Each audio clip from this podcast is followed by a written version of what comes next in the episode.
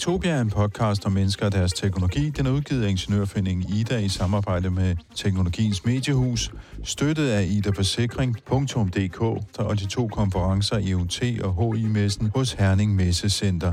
Mit navn er Henrik Føns, og det er mig, der bestemmer i Tektopia. Tektopia.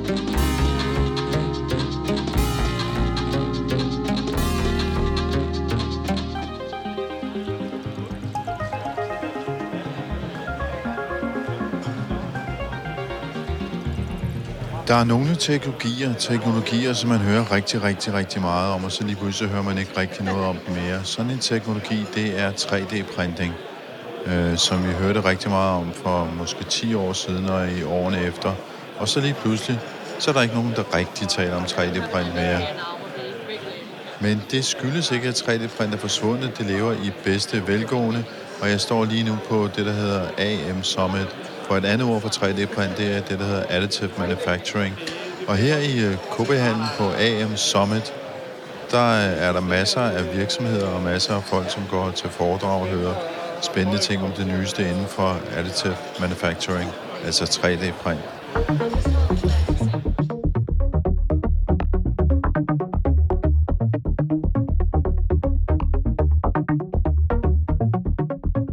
Steffen Schmidt. Jeg er teknisk direktør på det, der hedder AMHOP, som er en filantropisk fond.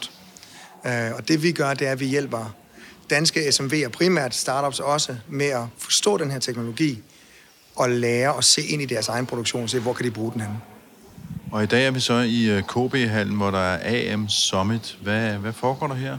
Jamen, øh, det er jo årets event inden for AM i Norden, hvis vi må sige det med slet skjult stolthed. Øh, det, der sker her, det er, at øh, der er en masse internationale talere, der kommer og inspirerer dansk erhvervsliv med AM-historier og AM-erfaringer fra hele verden af. Og så er der en masse udstillere, som man også skal besøge. Alle de danske spillere på markedet, som leverer software, leverer hardware, de er her også, og de er til at komme i kontakt med, til at tale med. Så det er det, vi gør. Vi, vi kobler folk sammen, og det er lidt det, som er kernen i AM-hop. Det er ligesom at være centrum for AM-økosystemet i Danmark. Nu har du sagt AM mange gange. Kan du forklare lidt nærmere, hvad AM er? Jamen, AM er egentlig øh, det internationale øh, udtryk for 3D-print og lignende teknologier. I starten var det bare 3D-print, men, men der er andre teknologier, som gør det samme, altså skaber noget ud af kun råvarer, uden nogen form for hjælp øh, ud over en maskine. Så AM, det er 3D-print, mere eller mindre. Og hvis vi ruller tiden lidt tilbage, så var 3D-print jo super hype. Det var sådan noget, vi hørte om hele tiden for 10 år siden, at vi skulle alle sammen have en 3D-printer derhjemme og printe alt muligt øh, plastikdims og alle mulige andre ting, og ting til vores biler og andre ting, der gik i stykker. Og så forsvandt det sådan lidt for radaren, i hvert fald for almindelige mennesker. Så øh, hvor er det henne i dag? Hvad, hvad skete der? Jamen, der skete nok det, at man fandt ud af, at de data, der skal bruges til at lave noget 3D-printet, dem var der ingen, der kunne skabe. Herre og fru Jensen kunne ikke selv tegne en tallerken og en kop, så de kunne slippe for at vaske op. Øh, det der, hvor vi er i dag, det er egentlig, at hvad skal man sige, den viden, der har været nødvendigt i menneskerne, der designer, den kommer nu. Og det er det, vi har kunne høre i nogle af de indlæg, vi har haft her. At man skal tænke hele processen. Det er ikke nok med bare at erstatte noget eksisterende på en eksisterende fremstillingsfarton med 3D-print. Så giver det ingen mening. 3D-print giver mening, når man designer produktet fra bunden af til teknologien. Så det er derfor, at 3D-print kommer nu. Nu har folk forstået, hvordan det er, man designer for 3D-print. Så nu kan vi begynde at bruge det til noget. Så bliver jeg nødt til at spørge, hvordan designer man for 3D-print? Jamen, det gør man primært med at bruge så lidt materiale som muligt. Det vil sige, at man reducerer enten med god gammeldags ingeniørkunst, eller man bruger digitale værktøjer til at lave optimeringer, og så fjerner man materiale. Og det er godt at fjerne materiale, fordi et, det bliver hurtigere at printe, det vil sige, det bliver mere konkurrencedygtigt, men to, vi bruger mindre ressourcer. Og det er vi lidt bekymret for, for vi er bekymret for de ressourcer, der nu er i verden, og vi er bekymret for al den energi, der bliver brugt på at lave alle de her råvarer. Så 3D-print kan reducere mængden, og, og, og det er godt. Og man kan printe i hvor mange forskellige materialer i dag? Jamen, jeg tror næsten, jeg vil... Jeg er tit så fræk at sige, at der er ikke noget, man ikke kan printe i. Øh, om du vil have printet i diamant, eller i chokolade, øh, eller i appelsinskaller, kan man se herinde. så er der muligheden for det. Det er mere et spørgsmål om, at, hvad for nogle materialegenskaber man får ud af det, og hvor det kan bruges henne. Så der er adgang til stort set alle materialer. Men det er primært plast, det er primært metal, som ligesom baner vejen øh, for brugen af 3D-print. Så hvilke, hvilke type virksomheder har især gavn af det her? Jamen, sådan som vi ser billedet, eller sådan som vi oplever billedet, der er det især øh, virksomheder, som arbejder med øh, personligt eller tilpassede produkter, altså produkter med lave styktal og høj varians. Der er 3D-print rigtig godt. Eller øh, produkter, hvor de mekaniske egenskaber, vægt, performance, styrke, sådan nogle ting, så der kan 3D-print også gøre noget. Vi er ikke nået til det punkt, hvor vi bare laver en million plastiklighter i 3D-print, for det giver ingen mening. Det er de her specielle tilpassede, om det er en sko, eller om det er en, en, øh, noget til, øh, en protese til en arm. Øh, alle de her ting, som er kundetilpasset, der giver 3D-print mega god mening.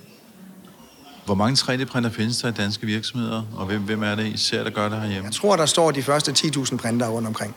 Øh, desværre er der rigtig mange af dem, der står i et hjørne og samler støv, fordi at der er ikke nogen i virksomheden, der ved, hvordan de skal bruge dem, eller hvad de skal bruge dem til. De blev købt, som du sagde før, lige der, da 3D-print var helt vildt hot. Alle skulle have en 3D-printer. Ingen vidste, hvad man skulle bruge den til. Og da man var færdig med at printe hajer for det der kort, der nu sad i den, og man har printet hajer i alle mulige farver, så brugte man den ikke til andet.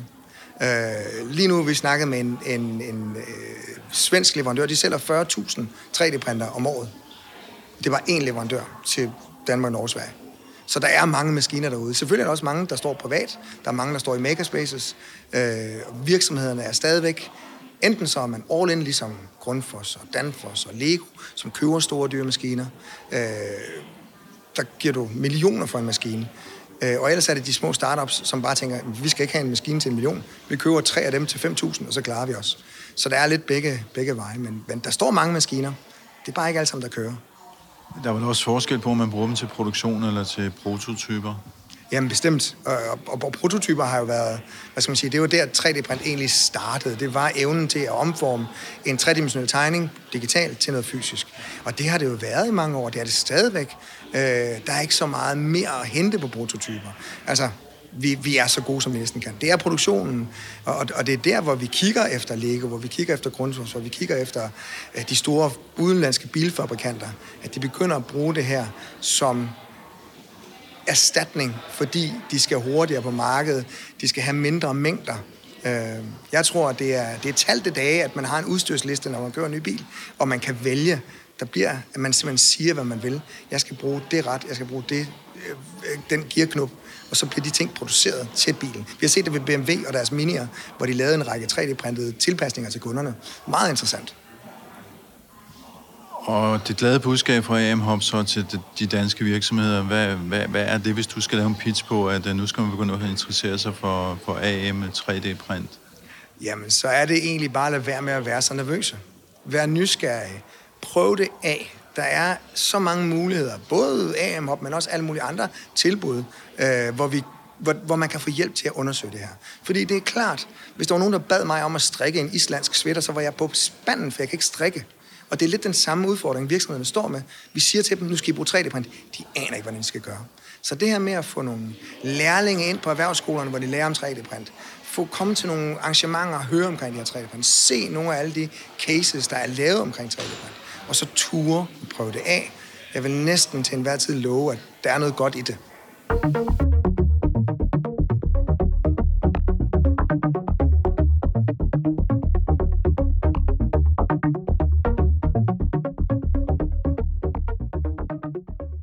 Ja, 3D-print kan bruges til mange forskellige ting. Da jeg allerførste gang stødte på en øh, 3D-printer, der var det en af mærket MakerBot.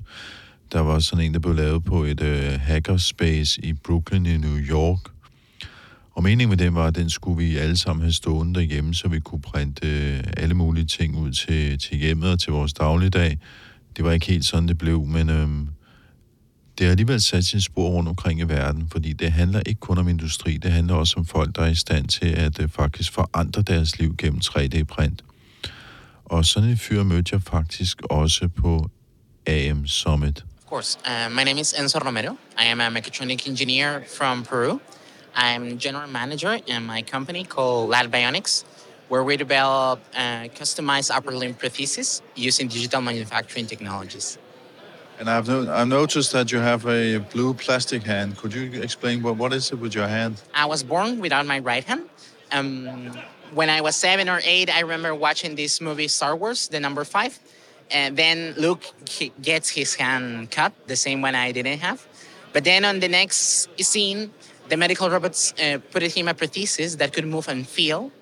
And I remember from then on, no greater purpose lived in my mind, which was to have a prosthesis like Luke. And that dream led me to study mechatronics engineering, eventually getting to work in a research group to develop a prosthesis in my country. And when we were doing some research about how many people are there in Latin America and so with this type of um, scenario like mine, of course, I'm not the only one. We are talking about 2.4 million people in developing countries with upper limb amputation condition, both from congenital reasons or traumatic reasons. And for example, in my country, at least 40 new cases are reported to our Ministry of Work regarding people who have lost their hand in a, a work-related activity like agricultural or uh, getting to work on uh, manufacturing but only two out of 10 companies report to our Ministry of Work because in my country there is an index of 80% of informality. So that means that if you're working on a company and you suffer from an accident, the most probably scenario is that you're not having an insurance at all. And since you don't have insurance, you're just you're going to buy for yourself a prosthesis. So if you want to buy it for yourself, uh, a hook type prosthesis can go around two thousand dollars in Peru, and a robotic imported prosthesis can jump into $25,000, which means that at least you should work seven years in order to buy a prosthesis for yourself. So, around that problematic, we, we told ourselves, okay, what about if the type of research that we are developing in our university, can we escalate it in order to develop products that are accessible but without losing the quality of the design that we already accomplished uh, on this type of research. And that's how our company was born. So in the past, uh, we've been working with PLA and PET filaments. And in order to reduce costs, we're trying to use uh, uh, plastic from recycled bottles in order to develop our prosthesis. So the one that I am using right now is made from recycled bottles. So that's why the color is t- kind of blue. Can, can you explain how it works? Yes. So the prosthesis that I am that I am wearing right now uh, is a body power prosthesis. So it would depend the movement of uh, my wrist in this case. So when I do some flexion, the fingers of the prosthesis will close uh, together, and when I do some extension of my wrist, the prosthesis will open by itself. So this basic gesture of uh, closing and releasing my wrist will help someone to get back the sensation and feeling of grasping objects that are big or small. So you can actually grasp objects with, with this hand? Yes, yes. So we tend to develop this type of prosthesis in order to return functionality to people in order to develop uh, common day life activities such as uh, cooking by themselves or probably uh, getting back to work.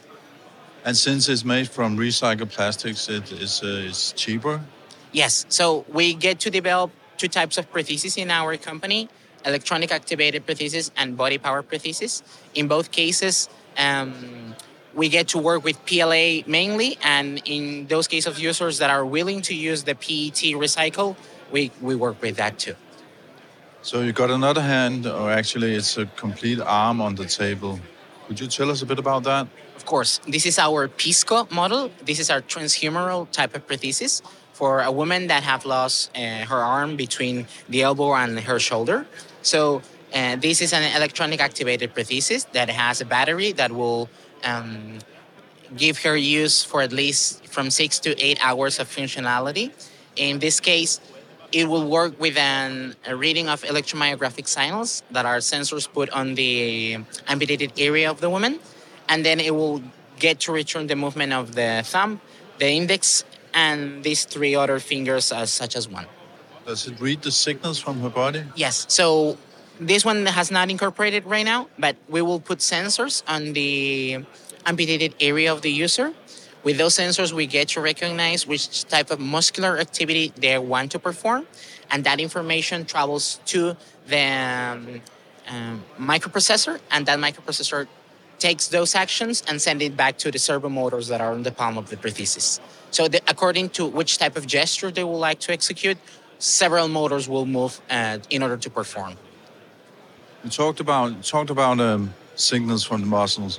Is it possible to do it with brain signals? Yes, it is possible. Uh, actually, uh, besides my work at, at, the company, I also work as a researcher in my university.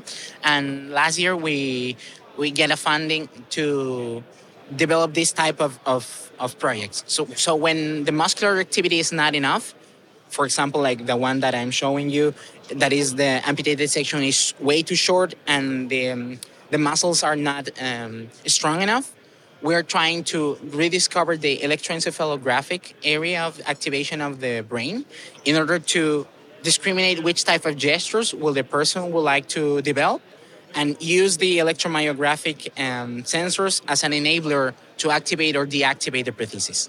So between these two signals, we believe that it is possible to activate a prosthesis using both brain signals and muscular activity. I don't, I don't quite get it. How does the brain talk to the arm? Yes. So this one will have sensors that are around the head, and those sensors could identify which areas of your brain gets to be more activated when you're trying to think, for example, a fine grasp or a bigger grasp. So that will that can uh, be differentiated using our uh, computer. So then we will train an, uh, a neural network, and that neural network will tell us how possible is that someone is trying to think about activating a fine grasp or a bigger grasp. What is the advantage of producing this as 3D printing? Um, the level of um, personalization that we get to achieve we couldn't have done it in with typical activities in prosthesis area. In order to work with um, digital manufacturing technologies, we use a 3D scan to scan both the amputated area of the user and the other hand. Then we, in, our, in computer, we have developed our own software that works with the Autodesk platform in order to, with just the length of one finger, we get to reproduce the entire set of fingers, the palm, and the prosthesis socket to finally 3D print each part as a puzzle in order to assemble it and try it on our users. And how many how many arms have you produced so far? We started our company in 2021. So far, we have 80 people using our prosthesis and a waiting line of 300 people looking for a tent. Yes. The most basic thing is getting back to work. So, for example, we have a lot of uh, people that have lost their hands in accidents, and since then they want to work as a taxi drivers, for example.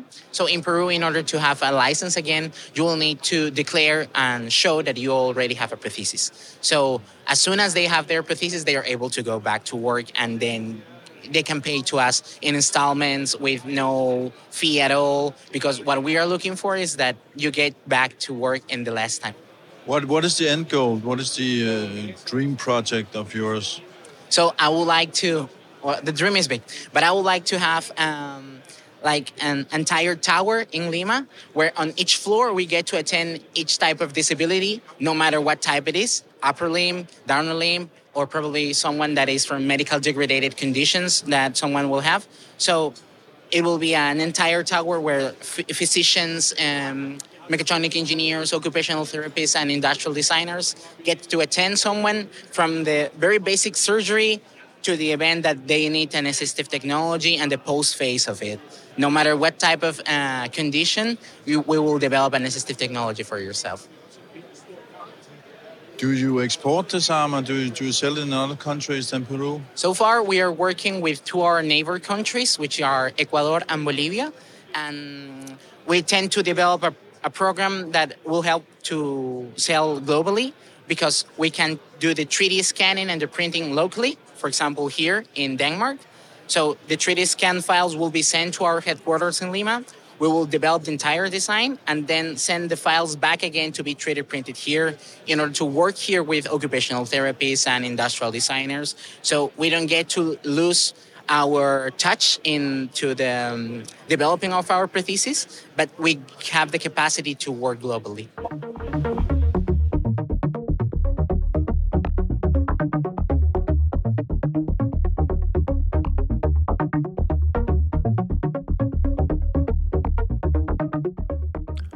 Som sagt, så kan man 3D-printe i uh, utrolig mange forskellige materialer. Det mest almindelige er plastik og uh, metal. Men der findes også mennesker, som tænker endnu længere ud i fremtiden. En af dem er Skylar Tippett, som er forsker på MIT, Massachusetts Institute of Technology i øh, Boston. Han nøjes ikke med at tale om 3D-print, han taler om 4D-print. Og så umiddelbart kan det være lidt svært at forstå, hvad det egentlig er, han snakker om og hvad han laver. Og på mange måder så bliver det ikke mindre mystisk, når man ser ham optræde som taler og ser hans slides og hans videoer. For han kan få alle mulige materialer til at ændre form og fasong. På mange måder så virker det som ren magi. Det lykkedes mig at uh, få en meget hurtig aftale i stand med Scarlett Tippett på AM Summit, hvor vi luskede ned i køkkenet i KB-hallen, hvor konferencen den fandt sted. I'm Skylar Tibbetts. I'm faculty at MIT. I run the Self-Assembly Lab, and I lead the 3D Printing and Additive Manufacturing Journal. So you talk about 4D printing. Mm-hmm. Could you explain what that is? Yeah, so we introduced 4D printing in 2012, I believe, and it's 3D printing with the added element of time. So, how do you print things that transform over time? And when you say things, you talk about uh, materials and. Yeah, print materials. You know, the original dream was print something that walks off the machine. So it has the information and agency embedded in the materials that it can sense, transform, change shape, change property. And when you show us uh, what you do, it sounds it almost looks like magic when you when you show your slides and your videos. Could you explain in more depth how, how do you actually program different materials like the robots? Because it's just like normal materials, things you Yeah. find in nature and stuff. Yeah, so we think about it, you look at the material properties, and those material properties are connected to some kind of activation energy. So it could be wood that's responding to moisture, or it could be metal that's responding to temperature, or it could be, you know, polymer that's responding to light or something else, right? So the material properties has the ability to uh, sense and respond to the environment.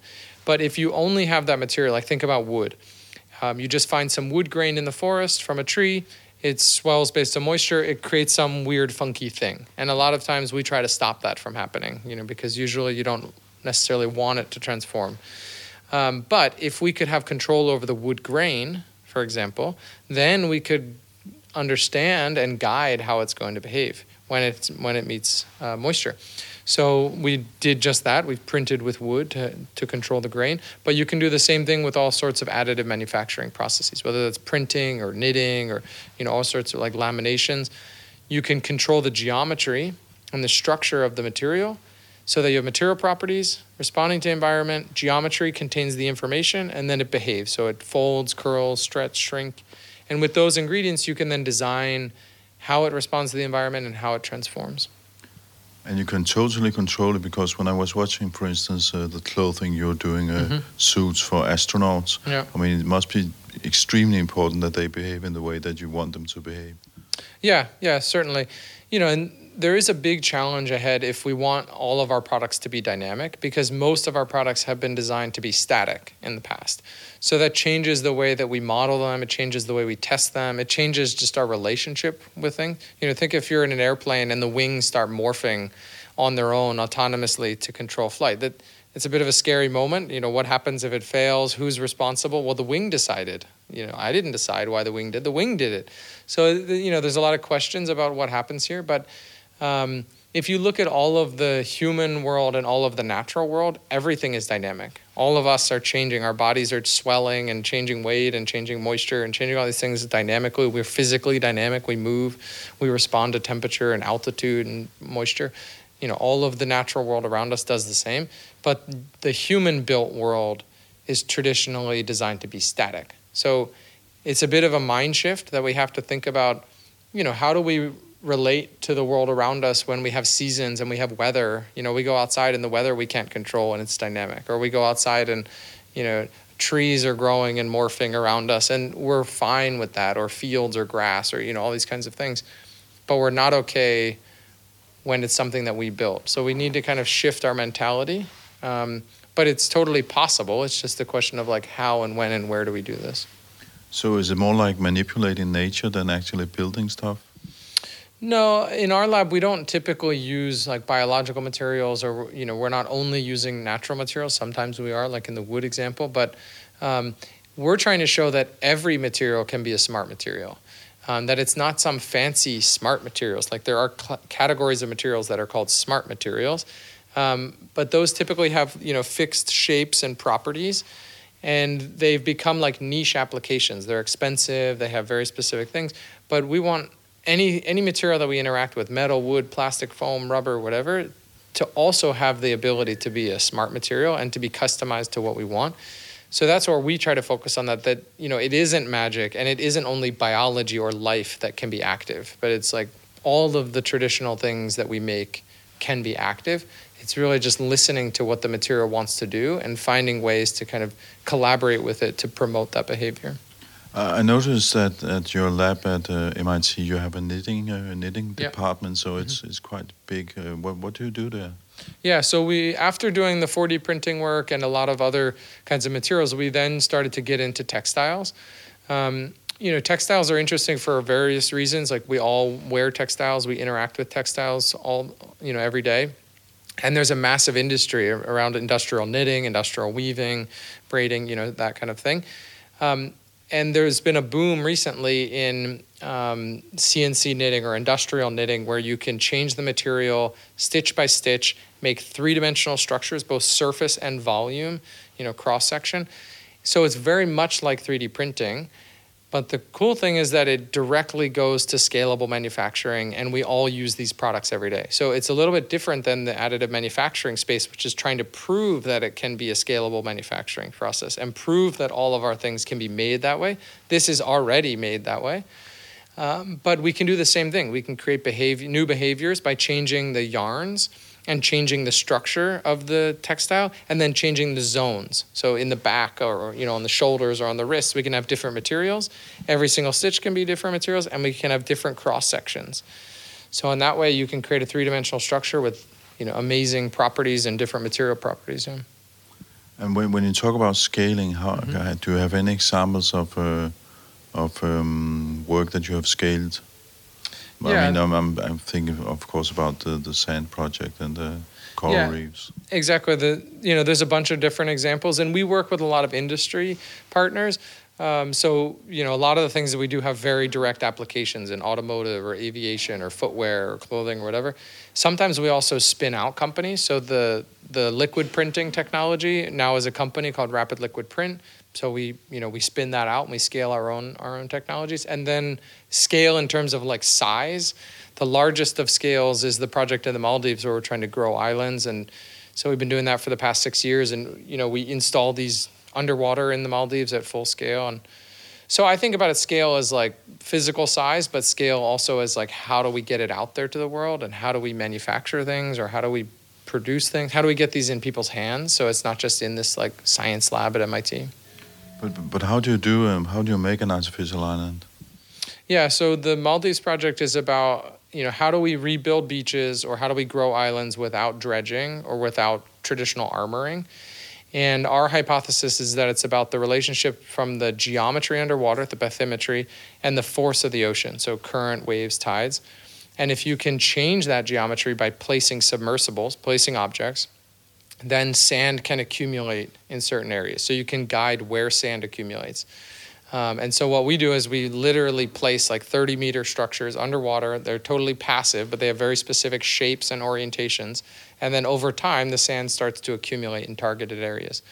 Um, so in a way, you know, it's more like gardening. You know, we don't sculpt a flower, but we give the right environment and we collaborate with the force of rain and sun, you know, the force of the environment, and something grows and it emerges. And you need to kind of have that mentality.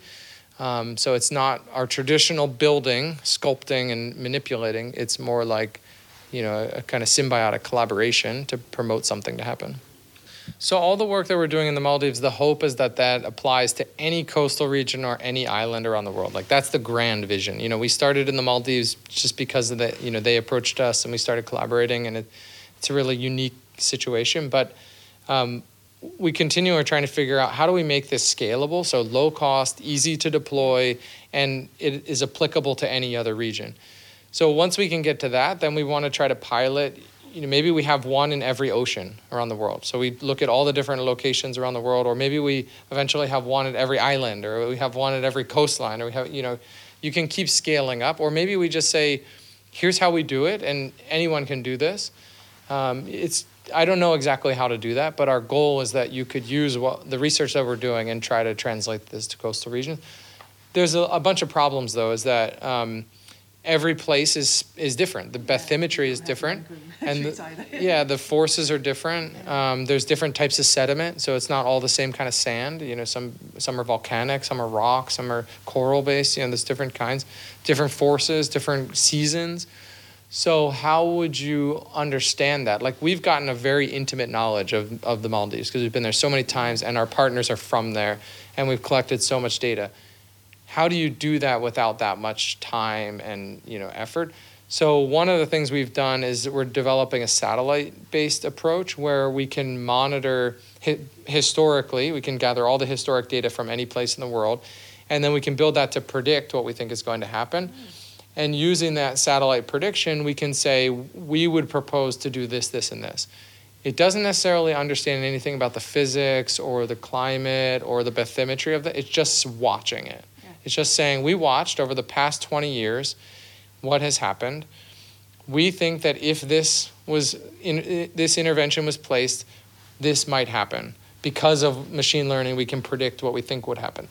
That's our closest goal right now as to like how this could be truly scalable. Because then it could be a satellite approach that anyone can use anywhere, like right now. It's a little bit different than what we're proposing of being on the ground, placing something, studying it, watching it, changing it, you know that's ultimately the best, but that costs a lot of money, takes a lot of time. You know, you need to have local teams. Like it's it's hard to make that scalable.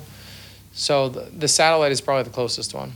So how do you see yourself as an architect or mm-hmm. a technologist, or how, how would you define yourself in your your work? Yeah, it's complicated. A lot of people are like, well, you know, why are you in the Department of Architecture? You have a background in architecture. Um, I think about myself as a designer, not you know necessarily as an architect in the sense that we you know we don't build buildings or we don't have a firm and we're in academic setting. We run a research lab, um, but I think design encompasses it the most. And by design, you know, traditionally in a European setting, design typically means like product design. Um, but I run a program at MIT, which is a design program, design degree for undergrads where they can combine like physics and design, biology and design, computer science and design, math, engineering and design. So we, when we say design, it's like everything from product to graphic to fashion to interaction. Like it's literally the process of design.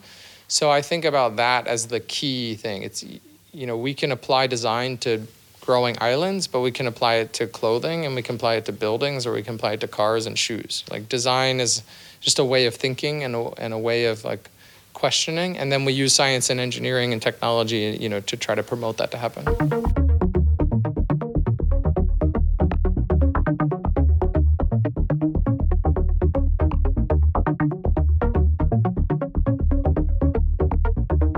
Steffen, det er jo sådan, at der er flere 3D-printarrangementer på vej. Øh, I skal blandt andet til Herning. Hvad sker der der? Jamen, øh, vi er så heldige at være med. Øh, Herning øh, Industrimesse har et stort område, der hedder 3D-Tech, øh, som egentlig er dedikeret fuldstændig til både leverandører og brugere af 3D-print. Der er vi så heldige at være med. Øh, vi er blandt andet med som en partner på DM i 3D-print, øh, hvor en masse unge mennesker fra erhvervsskolerne konkurrerer om at være den bedste til 3D-print, til scanning, til print, til tegning til alting. Det kører under HI-messen. Man kan møde os, vi har en stor stand sammen med nogle andre vidensinstitutioner, og så kan man møde de her leverandører, der er rundt omkring. Og det bedste af det hele, hvis jeg må lave lidt, så er det onsdag, der er fuld program på scenen i 3D-tech-området, hvor vi er, gør lidt af det samme, som vi har gjort her på Summit. Inviterer en masse talere, der kommer og fortæller og inspirerer de danske virksomheder. Så man kan simpelthen blive Danmarksmester i 3D-print? Ja, det kan man, og det er helt fantastisk at se. Vi har en masse unge mennesker, som kan være industriteknikerlærlinge eller snekerlærlinge, men som har en interesse i den her teknologi, og det er dem, det er de unge mennesker, der er så vigtige for at få viden ud i virksomhederne, for at det kan blive lidt mindre farligt at tage fat på. Ja, det arrangement, som Steffen her fortæller om, det er Herning Industrimesse, der foregår i Messecenter Herning 3., 4., 5. oktober. Her kan du også finde øh, konferencen Teknomania, som øh, Ingeniørforeningen IDA holder.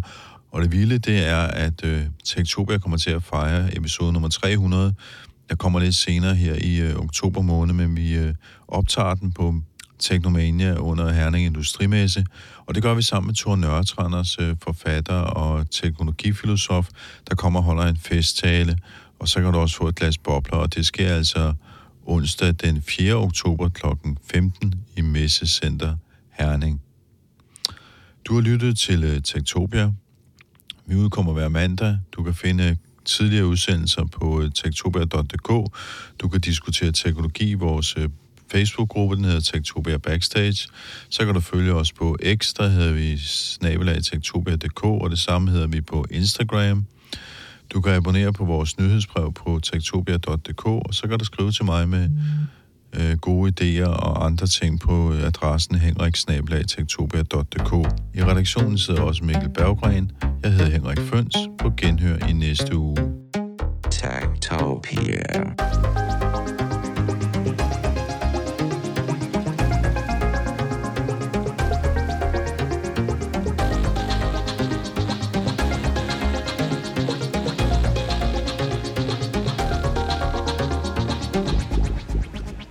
Tektopia er en podcast om mennesker og deres teknologi. Den er udgivet af Ingeniørforeningen Ida i samarbejde med Teknologiens Mediehus, støttet af idaforsikring.dk, der og de to konferencer i UT og HI-messen hos Herning Messecenter. Mit navn er Henrik Føns, og det er mig, der bestemmer i Tektopia. Tektopia.